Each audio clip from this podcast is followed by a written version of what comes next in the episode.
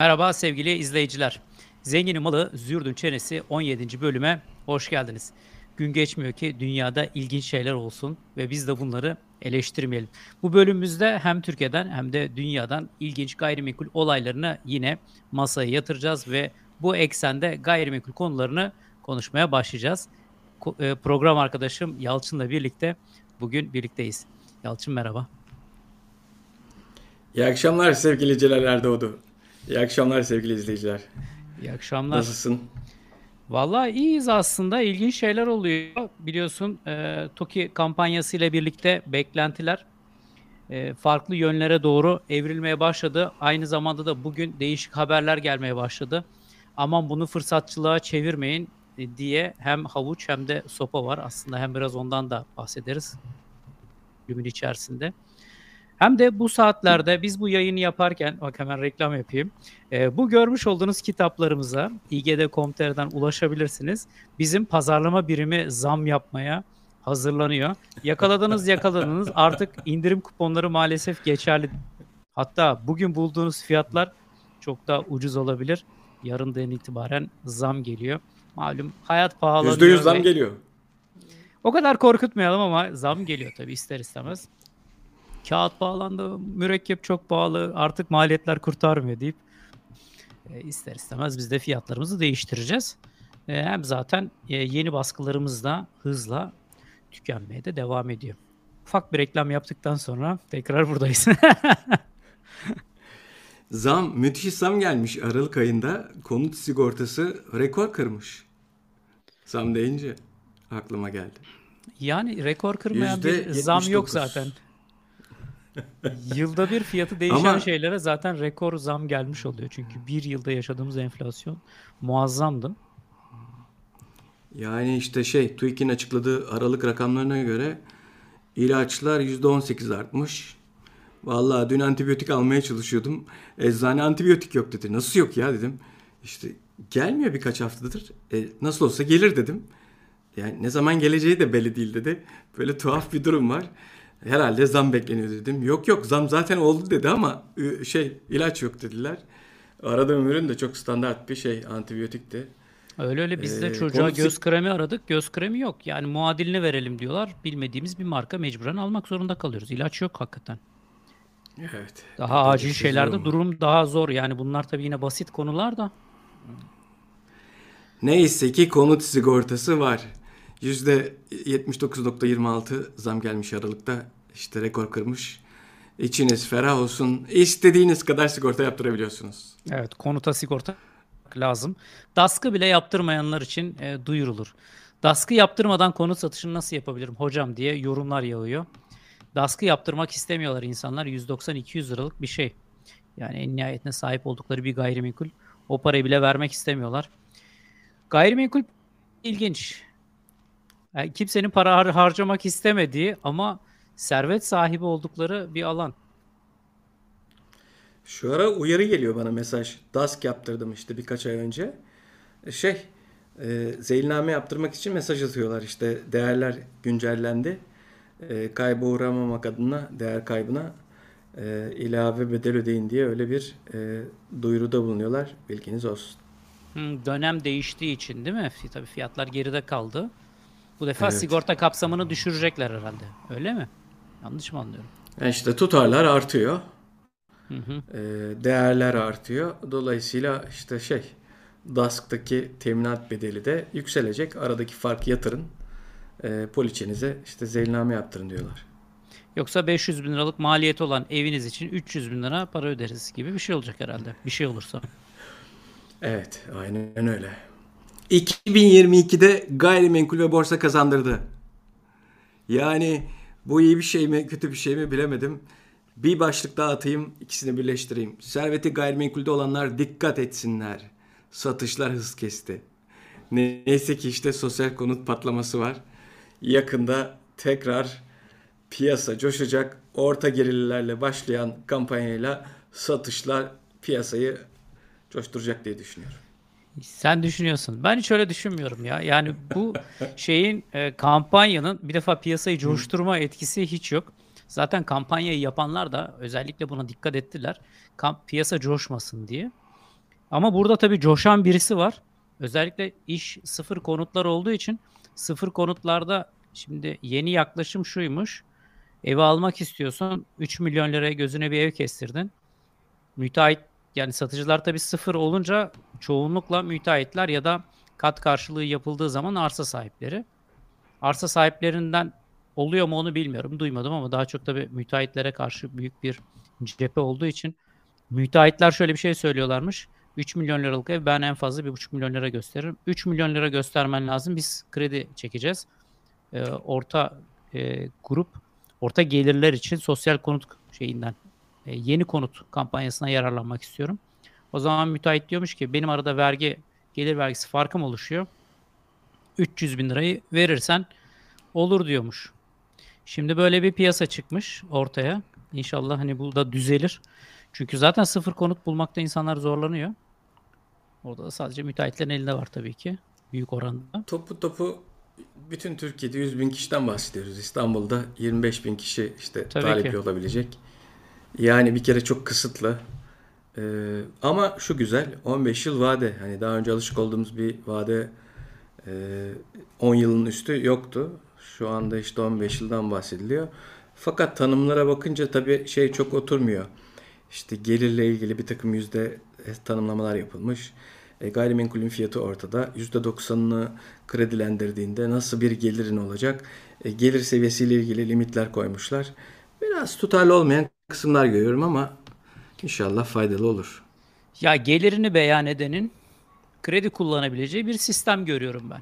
Yani gelirini bir şekilde beyan etmediysen e, bu sistemden yararlanabilme şansın yok. Bir de oradan e, o koşulu sağlıyorsan öbür koşula da dikkat et ama bu koşula da dikkat et falan gibi. Hani burs kampanyaları şeyler burs koşulları falan olur ya böyle biraz sağlayamaman için her şey vardır. Biraz onun gibi yani sağlayan kesim biraz zor tabii yani oldukça dar bir gruba hitap edecek. Zaten bugün sıfır konuta baktığın zaman satılık 115 bin, 120 bin tane sıfır konut gözüküyor. Ben inanıyorum ki bu 110 bin, 120 bin sıfır konutun 70-80 bin en fazla sıfır konut çıkar. Yani bugün bu konuttan kampanyadan he- herkes yararlanıyorum dese 100 bin kişilik bir gruba hitap ediyor. Konut bulunmaz. Onun için çok bir şey olmayacak, etkisi olmayacak. Uzun vadeli bir şey olduğunu düşünüyorum. Ama yararlanmak isteyenler de tabii hesabını kitabını iyi yaparak yararlanmaya çalışsın bence. Koşullar açısından, ödeme koşulları açısından iyi. Peki Hem gayrimenkul... faiz Ha? hem vade. Evet, evet. Hem faiz hem vade. Evet evet. Bir de başta işte hazinenin desteği var ya 3 yıl o da gayet iyi. Yani kira sürecinde de sürecinde de destek oluyor. İlginç konulara değinelim mi? Senin başlıklardan gidelim. Güzel konular seçmişsin yine. Hadi öyleyse. Yine müteahhit dedik. Müteahhitten gidelim. Bir tane inşaat firması sahibi e, bu videomuzun başlığında da olan konudan e, başlamış olalım. Adam e, bir tane ilan görüyor internet sitesinde ve fiyatını çok uygun buluyor. E, satıcıyla irtibata geçiyor. Hemen e, alabilmek için kaporayı falan gönderiyor böyle bir gayrimenkul kaçmaz diye. Hızlı bir şekilde hareket etmeye çalışıyor çünkü kimseye kaptırmaması lazım. Bunu yapan da bir inşaat firması sahibi. Yani muhtemelen bir müteahhit olabilir. Tecrübeli. Tecrübeli olması gereken birisi. Ama sonra bir daha telefonları deniyor dıt dıt dıt dıt. Tabii ulaşamıyor yani karşısında kimse telefonu açmıyor. Bu arada Ya. kapora gitmiş. Kapora gitti. Yani o kaçmasın diye panik yaptığı için hızlı bir şekilde hemen almak istiyor gayrimenkulü. Ondan sonra da yorum yapmış. Bu demiş satıcılar demiş çok şey demiş. Sinsi demiş. Uydu fotoğraflarından demiş kaçmayacak lokasyonlarda gayrimenkulleri demiş ilana koyuyorlar. Muhtemelen 1.2 milyon liralık bir gayrimenkulmüş adı geçen de. Belki 10 milyon lira, belki 5 milyon lira normalde olması gereken bir gayrimenkul. Ama tabii alıcı da bunu kaçırır mı? Kaçırmamak için hemen basmış kaporayı hızlı bir şekilde hemen hareket etmiş. Ama sonra açılmayan bir telefon. Ya şeye üzülüyorum ben. Yani gayrimenkul sektörü gerçekten niteliksiz dolandırıcılarla dolu. Yani bu alana nitelikli dolandırıcılar gelemiyor. Çünkü o kadar çok tuzağa düşen insan var ki hala insanlar bu konularda akıllanamıyorlar. Çok yazık bir durum. Zaten bunlardan hareketle işte biz bu videoları çekiyoruz, bu kitapları yazıyoruz. YouTube'da onun için videolar yapıyoruz. insanlara ulaşamıyoruz. Çünkü beğenmiyorlar insanlar. Bizim kanala abone olmuyorlar. Onun için biz ulaşamıyoruz o insanlara. Yürü be. Kim tutar seni? Yürü be. Ya birazcık Müteahhit beğenileri arttırabilirsek ama arkadaşlar. ya muhtemelen o da ucuz Müteahhit buldum de- diye kaçırmamak için hemen yüklenmiş. Yine kelepir avı, yine işte fiyasko. Yine kendisi avcı av olmuş yani. Avcı olayım derken av olmuş. Ya ucuz gayrimenkul çıkar piyasaya ya arada emlakçı başkasının gayrimenkulünü pazarlıyor gibi gözükür ama o zaten emlakçı değildir. Ya kiralık gayrimenkuldür piyasada kiralar 10 binken bu 5 bin liraya kiralanıyordur. Ya işte miras kaldı bak bu gayrimenkul kaçmaz. Normalde 5 milyon liralık gayrimenkul bugün kapora verirsen 2'ye satılıyor. Bu tuf düşen tufalara düşen insanlar değil tabii. Bunlar bir şekilde kendileri de çıkar sağlamaya çalışan insanlar. Ama başka alanlarda gösterdikleri akıllı davranışları gayrimenkul sektöründe göstermemeleri gayrimenkul sektöründe bizleri üzüyor. Beni çok üzüyor. Çünkü bak burada nitelikli dolandırıcı olmadığı için insanlar bunun karşılığında nasıl bir çözüm üretmesi gerektiğini de bir türlü öğrenemiyorlar. Şimdi ne yapıyor virüs firmaları? Gidiyor önce piyasaya virüs yayıyorlar. Ondan sonra antivirüs programları geliştiriyorlar. Şimdi aslında bi- bunları biz kendimiz yapmıyoruz bu olayları. Bu olaylar bir şekilde gelişiyor ama bu haberlerden ders alanlar keşke gayrimenkul değerlendirmesi, gayrimenkul değerleme raporları hazırlatsa, inşaat mühendislerinden fikir alsa, mimarlardan fikir alsa, dürüst, iyi emlakçılardan fikir alsa bu daha az düşerler. Bir gün o da olacaktır mutlaka. Evet, biz görsek çok iyi olur ama. İnşallah. Twitter. Yine Elon Musk ortalığı karıştırmış. Adam kira ödemiyormuş bu sefer de. Ya evet kiraya baktım 124 bin dolar falan diyor. Ya şimdi Twitter gibi bir yerin kiracı olduğu yerde herhalde metrekaresi 100 dolar falan olması lazım en az. Yani 200 dolar olması lazım da ben şimdi dar bir vizyonla en azından 100 dolar olması lazım diyorum. 1000 metrekare bir yer olması lazım. Yani 1200-1300 metrekare. Twitter'ın dişinin kovuğuna gitmez 1200 metrekare ofis değil mi? Belki de işte bilmediğimiz dedikodular vardır. Bu adam bina almadı mı zaten Twitter için? Görkemli bir bina Tabii aldı. ya. Twitter'ı oraya taşımayacak mı? Zaten Az kendisi haberdir belki de. belki de Gerçi Kaliforniya mahkemesinde işte tarih açıklanıyor işte görülecek diye. Yani yalan da olamaz. vallahi yani çok ilginç şeyler yapıyor gerçekten. Ama benim e, tweet tadımı kaçırmaya başladı. Twitter gündemim çok ilginç bir hale gelmeye başladı. Yani bu akışlar tamamen bozuldu Twitter'da. Böyle eskiden baktığın zaman takip ettiğin kişilerden ya da gerçekten takip ettiğin olaylarla ilgili bir akış geliyordu. Ama şimdi böyle şakalar, komiklikler falan öyle şeyler geliyor. Değişik bir algoritma mı deniyorlar, ne yapıyorlar? Bizi tufaya getirmeye çalışıyorlar gibime geliyor. Zevkli değil yani izlemesi eskisi kadar Twitter'ı. Koskoca Face- Twitter Facebook kira ödeyemiyor. Ee, diğer yanda da şey 300 bin dolar kira ödeyecekmiş. Ronaldo, e, Cristiano Ronaldo malum e, işte çok çılgın bir e, bedelle 175 milyon pound demişler. Niye pound açıkladılar onu da anlamadım ama Manchester'dan 213 gidiyor diye herhalde. Ha, İngiltere'den gidiyordu değil mi? E, 213 milyon dolara Suudi Arabistan'da bir takıma transfer olmuş. Ve e, otelin işte odalarına yerleşmiş. Otelin aylık kirası yani otelin sadece tuttuğu odaları 17 tane oda, oda tutmuş laf arasında. 304 bin dolarmış kirası. Yani burada şey ön plana çıkıyor. E, böyle markalı bir otel yatırımı yaptığında hani gayrimenkulü e, doğru bir lokasyonda seçtiğinde bunu konumlandırmasını doğru yapabildiğinde belli bir e, lüks bir markayı bir branded otel diyelim işte konumlandırması yapabildiğinde böyle çılgın fiyatlara kiraya verebiliyorsun. Ucuzmuş Ya da aslında işte- yani 30 gün tutsa yani 10 bin dolar yapıyor günlük. Kaç? 17 oda mı tutmuş dedi. Evet 17 oda. Tabii şey hani günlük tutmamışlardır. Bunlar da işte şey orta dönem uzun dönem kiralamadır muhtemelen. Oluyor ya otellerin suiteleri. Swiss Otel'de Türkiye'de de bu kalan ünlülerimiz falan vardı yani. Evet, Siyasiler falan. görüyoruz. Güvenlik sebebiyle değil mi? Tabii o paralar ödeniyor mu orası da tartışılır. Türkiye'deki örneklerde. Evet onu bilemiyoruz yani. Ronaldo 17 oda tutmuş demek yani. Otelde de kalınmaz sürekli ya. Yani sıkıcı bir şey. Beni çok cezbeden bir şey değil. Kısa süreli evet Geç- yani. Zaten adamlar açıklamış canım kısa süreli kalacağım işte. Hanım bir yer baksın beğensin ondan sonra taşınacağız buradan demiş. Ya 150 milyon dolarlık bir villa falan arıyorlardır şimdi onlar. Daha önceden bu şeylerle ilgili haberler yapmıştık. Futbolcuların aradıkları evlerle ilgili. İzlemediyseniz o yayınlara bakın.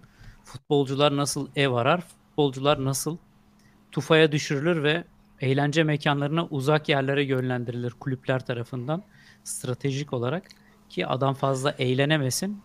Kafasını gömsün takıma. Adam gibi Su- antrenmanını yapsın. Suudi. Arabistan. Suudi Arabistan diyoruz. Abi orada kafayı gömeceği yer belli. Çöl. Manzara da çöl olacak. Evet yani sıkılır herhalde ama o da zaten son demlerini yaşıyor yani son kapanışı yapıyor herhalde değil mi? Çok anlamam Evet, futboldan ama E baksana elendiler. Yani adamları harcadılar. Şaşırdım. Evet. Futbola girmeyeyim. Yanından geçeyim. Evet başka nelerimiz var? İlginç konularımızdan. Kredi Orta dedik. gelirli konut dedik. Evet onu bahsettik. Evet. Yine, yine bir kredi açıklaması. Çiftçiye çılgın krediler yine kesenin ağzı açılmış. İşte toprağı aşkla, sevgiyle işleyen 1 milyona aşkın çiftçimizin e, işte kredilerle e, üretimi geliştirebileceği, üretimi arttırabileceği, işte emeklerini boşa e, gitmediğini görebilmeleri için e, bir takım imkanlar sağlanmış. Ee, sorarsan tabii çiftçilerimize durum vahim. Tamam kredi veriyorsun bir tarafta ama e, bir tarafta da işte Türkiye'deki yerli üretim niye ise işte bu yurt dışından yapılan ithalatla belli ürün gamında e, giderek e, kan kaybediyor. Yani bu yıl mesela bütün dünyada e, tarım ürünlerinde yüzde bir fiyat düşüşü olmuş. Rakamları doğru hatırlıyorsam. Türkiye'de yüzde yetmiş, yüzde yetmiş yedi bir artıştan bahsediliyor. Bizde sistem çok farklı çalışmış. Neden böyle olmuş? İrdelemek lazım ama işte belli ki bir kıt kaynaklarla e, kısıtlı bir üretim var ve işte e, talep karşılanamıyor. Dolayısıyla fiyat mı artıyor ya da işte bir takım e, taban koruma fiyatları herhalde doğru konumlandırılamıyor diye düşünüyorum. Ya da çiftçimizi koruyacak bir takım önlemleri alamadığımız için de gidişat çok hayırlı değil ne yazık ki. Ya Türkiye'nin tabii son 15-20 senesinde ciddi inşaata yatırım yapıldı. İnşaat yatırımlarının e, önemli e, zararlarından birisi de aslında kaynakları yan yerlere yönlendirmek olarak adlandırılıyor. Bu defa inşaata yatırım yapmaya başladığın zaman tabii bununla ilgili finansman sağlıyorsun. Finansman sağladığın zaman da taşa toprağa ister istemez yatırım için kredi sağlıyorsun. E bu defa katma değerli denilen ürünlere çok fazla yatırım yapamamış oluyorsun. Çünkü onlar için yeteri kadar kredi verilmemiş oluyor. Şimdi tabii bu süre içerisinde tarım ciddi zarar gördü ve tarımın ne kadar önemli olduğu da pandemide tekrardan ortaya çıktı. Biraz inşaatın bir parça yavaşlaması aslında imkan verebilir. Bu kampanyanın en güzel tarafı da şu aslında. Konut sahibi olmak isteyen ve konutu olmayan. Bunu biraz daha genişletebilirlerse şu an orta kesim dediler. Çünkü sosyal konutu yaptılar. Yani zaten daha dar gelirliye sundular 500 bin konutluk bir kampanya. O 5 sene boyunca gidecek. Şimdi bu işte 100 binden de 500 bin artı 100 bin yani 600 bin kişi ilk etapta arsayı ve şeyi saymıyorum. Yeni evim arsa, yeni iş yerim onları saymıyorum. 600 bin kişi Türkiye'de 5 sene içerisinde konut sahibi olacak. Buna rakam olarak bakarsak Türkiye'de yaklaşık 25 milyon hanenin içerisinde 30 milyon hanenin içerisinde diyelim 7,5-8 milyon hane var. Yani 500 bini buna aldığı zaman çok büyük bir yaraya merhem olmuyor ama tabii atılması, gereken adımlar açısından önemli bir şey. Şimdi burada insanlar konut edindirilirse yavaş yavaş artık diğer taraflara yatırım yapabilme imkanının da biraz önü açılmış olur. Çünkü bugün ticarette çok iyi olan ülkeler, katma değerli ürün üretiminde çok iyi olan ülkelerin aynı zamanda çok iyi tarım ürünleri de ürettiğini görüyoruz. Yani tarımda da iyiler. Bugün diğer taraflarda biz çok çok iyiyiz de tarıma mı boş vermiş olduğumuz bir durum da yok. Yani tarımda da bizim çok çok iyi olmamız lazım. Diğer ülkelere göre belki daha iyi olmamız lazım. Onun için o taraflara çok fazla yatırım yapılması gerekiyor. İnşallah yapılır. Ee, tarım arazilerimizin değerinin artması açısından, çiftçinin yapmış olduğu işin gelirinin artması açısından, bizim de yurt dışından ithal etmememiz açısından iyi olur tabii ki. İnşallah. Yine bir takım e, istatistikler paylaşmak isterim.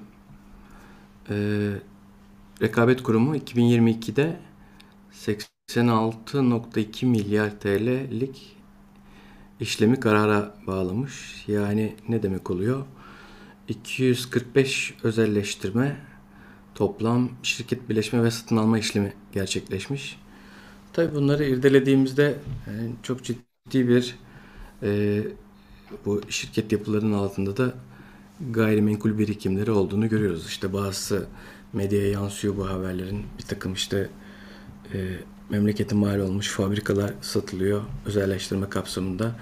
Aslında tutarlara baktığınızda sadece o tesislerin sahip olduğu gayrimenkuller bile bu tutarları karşılayabilir durumda oluyor. Dolayısıyla yine işte bu piyasa değerlemesi, işte gayrimenkul değerlemesi, e, şirket değerlemesi önem kazanıyor. Bu yıl çok şükür değerleme fiyatlarında kayda değer bir artış oldu. Gerçi basında yine farklı e, yanlışlıkla %123 gibi e, açıklamalar görüyoruz ama %77 gibi bir e, tarifede e, değerleme tarifesinde SPK'nın yaptığı artış oranı %77 gibi açıklandı. İnşallah işte sektör bir nebze olsun nefes alabilecek 2023 yılında. Ya bu özelleştirmelerde olsun, işte şirket satışlarında olsun aslında e, gayrimenkul değerlemenin önemi çok büyük. Çünkü senin de dediğin gibi birçok yerde aslında bu özelleştirmelerde insanlar kurumların markalarını bir kenara bırakıyorlar. Ya ben diyor bu gayrimenkul bu şirketin sahip olduğu gayrimenkulleri alsam bana yeter. Çünkü orada hesaplarda o kadar yanlış hesaplar yapılıyor ki. Şirketin sahip olduğu gayrimenkulün değeri yanlış hesap ediliyor. Birileri de alıyor onu. Hiç şirketin markası umurunda değil. O, o ana kadar biriktirmiş olduğu kurum kültürü, marka değeri, yapmış olduğu tedarikçilerle olan anlaşmalar, satış kanallarının değeri tamamen içe sayılıyor. 100 milyon şirket satılıyor. Şirketin zaten gayrimenkullerin değeri 120 milyon dolar. Ya zaten gayrimenkul ve diğer haklarla üst üste koyduğun zaman belki 250-300 milyon dolara satılması gereken şirket için böyle değer biçiliyor. Orada işte bak şirket değerleme de önemli bir şey. Şirket değerleme tarafı da atlanıyor. Bizde böyle şeyler çok iyi bilinmiyor. Biraz işte bu startuplarla birlikte daha çok yazılımcıların bu alanlara ilgi duyması. Bir de Türkiye'deki köklü şirketlerin bu alanlardaki bilgisi. Yani 80 yıllık şirket var Türkiye'de. O biliyor marka değerinin ne demek olduğunu artık öğren. Onlar bu işleri daha iyi biliyorlar ama Türkiye'de işte biraz kenarda iş yapanlar diyeyim ya da çok önde olmasının çok esprisi olmayan şirketler böyle şeyleri önemsemiyorlar. Böyle Ak merkezi inşa etmiş. İşte Zincirlikuyu'da e, onu aslında bir program mutlaka ele alalım. Malum Tat Towers'ları inşa etmiş. E, böyle bir inşaat şirketi bugün geldiği nokta izleyeceğiz ya, bakalım. O şirketlerin tabii Türkiye'de maalesef iş yapabilme şansı kalmadı. Yani Türkiye'de hizmetli işler yapan e, yıllardır e, bilinen diyelim şirketler belli bir dönemden sonra yani bu son e, hükümetten sonra iş yapamaz hale gelmeye başladıktan sonra Türkiye dışında kendilerine yer aramaya başladılar. E, onlar da tabii aslında gittikleri yerlerde de çok başarılı olduk da duyuyoruz. Ama bazıları tabii o, o kanalları belki çok iyi kuramadılar. Bir de insan tabii kendi bildiği topraklarda iş yapması, o tecrübe çok başka bir şey. Yani yeni bir yerde onu tekrardan oluşturmaya çalışmak çok kolay bir şey değil. Evet. Otel, otelci deyince otelle ilgili de bir istatistik paylaşmak istiyorum. Yine TÜİK 2022 yılının 9 aylık döneminde işte otel yapı ruhsatı sayısında %61'lik bir artış gözlemlemiş, tespit etmiş. Ee, 2021 yılının aynı yılına aynı aylarına göre işte ilk 9 ayına göre karşılaştırdıklarında e, 507 otel ruhsatı verilmiş 2021'de. 2022'de bu rakam 817'ye yükselmiş. Ee, Muğla başı çekiyormuş 283 ruhsatla. Ee, 70 ruhsat Antalya, 68 ruhsatla İzmir izliyormuş. Sonra da işte Çanakkale e, ilginç öne çıkıyor, İstanbul çıkıyor. İşte Nevşehir, Trabzon diye öyle gidiyor. İlk onda yer alan şehirler arasında. Evet, bu yıl turizm için aslında çok iyi bir yıl geçecek gibi Pandemi görüyoruz. sonrasında tabii şahlandı hakikaten. Ee, o aradaki farkı kapatmaya başladılar. Açısından değerler, otel değerleri açısından da kapatmaya başladılar. O geceleme fiyatları da çok arttı. Zaten yine seninle bunu konuşmuştuk. Ee, zincirler de bazı gruplarda bayağı yer açmaya hareketli bir şekilde çalışıyorlar. Anlaşmalarını da yaptılar. Yani otel yatırımları bir kırılgan yatırımlar. Yani zor bir şey yatırım türü. Kazandırdığı zaman iyi kazandırıyor, kaybettirdiği zaman da kaybettiriyor. İyi tercihlerde bulunmak lazım. Bu arada aslında şeye başvurdum ama henüz bir ses soluk gelmedi. Almanya'da İHİF var. Ee, Otel Yatırımcıları Forumu. Dedim ki ya bu Otel Yatırımcıları Forumu'na bize sponsor olsanız da gelsek orada bir izlesek. Hem de sizlerden bahsetsek. Neler yapıyorsunuz, neler anlatıyorsunuz, Türkiye'ye aktarsak diye. Ve daha önceden e, ziyaret etmiştim. Ve ilginç aslında veriler de paylaşıyorlar. Çok pahalı bir forum tabii. Yani şimdiki fiyatı yanlış hatırlamıyorsam 2500 euro 2 gün için, 3 gün için mi ne? Muazzam bir rakam. Daha önceden tecrübe ettiğim için bir defa daha gitme gereği duymuyorum açıkçası. O işten bir para kazanmadığım için. Ama sponsor olun da biz de gelelim Türkiye'deki insanlara aktaralım dedim. Daha tık yok. Bakalım zorlayacağız. Tekirdağ'da 5 yıldızlı bir otel yine malum icradan satıştaymış. 185 milyon e, lira muammen bedelle. 137 odalı. E, 2 Şubat'ta da işte ihalesi olacakmış. Çorlu İcra İflas Müdürlüğü'nde ilgililere duyurulur. Biraz önce Çanakkale önde gidiyormuş dedik. İşte belki Tekirdağ'da otel almak isteyen yatırımcılar olabilir. Evet. e, güzel değişik bilgilerle donatmaya çalıştık yine. E, 30 dakikada gittik tekrardan. Daha fazlasına çıkmadan insanları da çok sıkmadan e, bildiğimiz şeyleri paylaşmaya çalışıyoruz bu yayınlarımızda. Bu yayınları diğer podcast platformlarında da dinleyebiliyorsunuz. Apple'ın podcast'inde, Spotify'da, Google'ın podcast dinleyebiliyorsunuz. Her zaman yayınları videoda seyretmek zorunda değilsiniz. Vaktiniz de olmayabilir.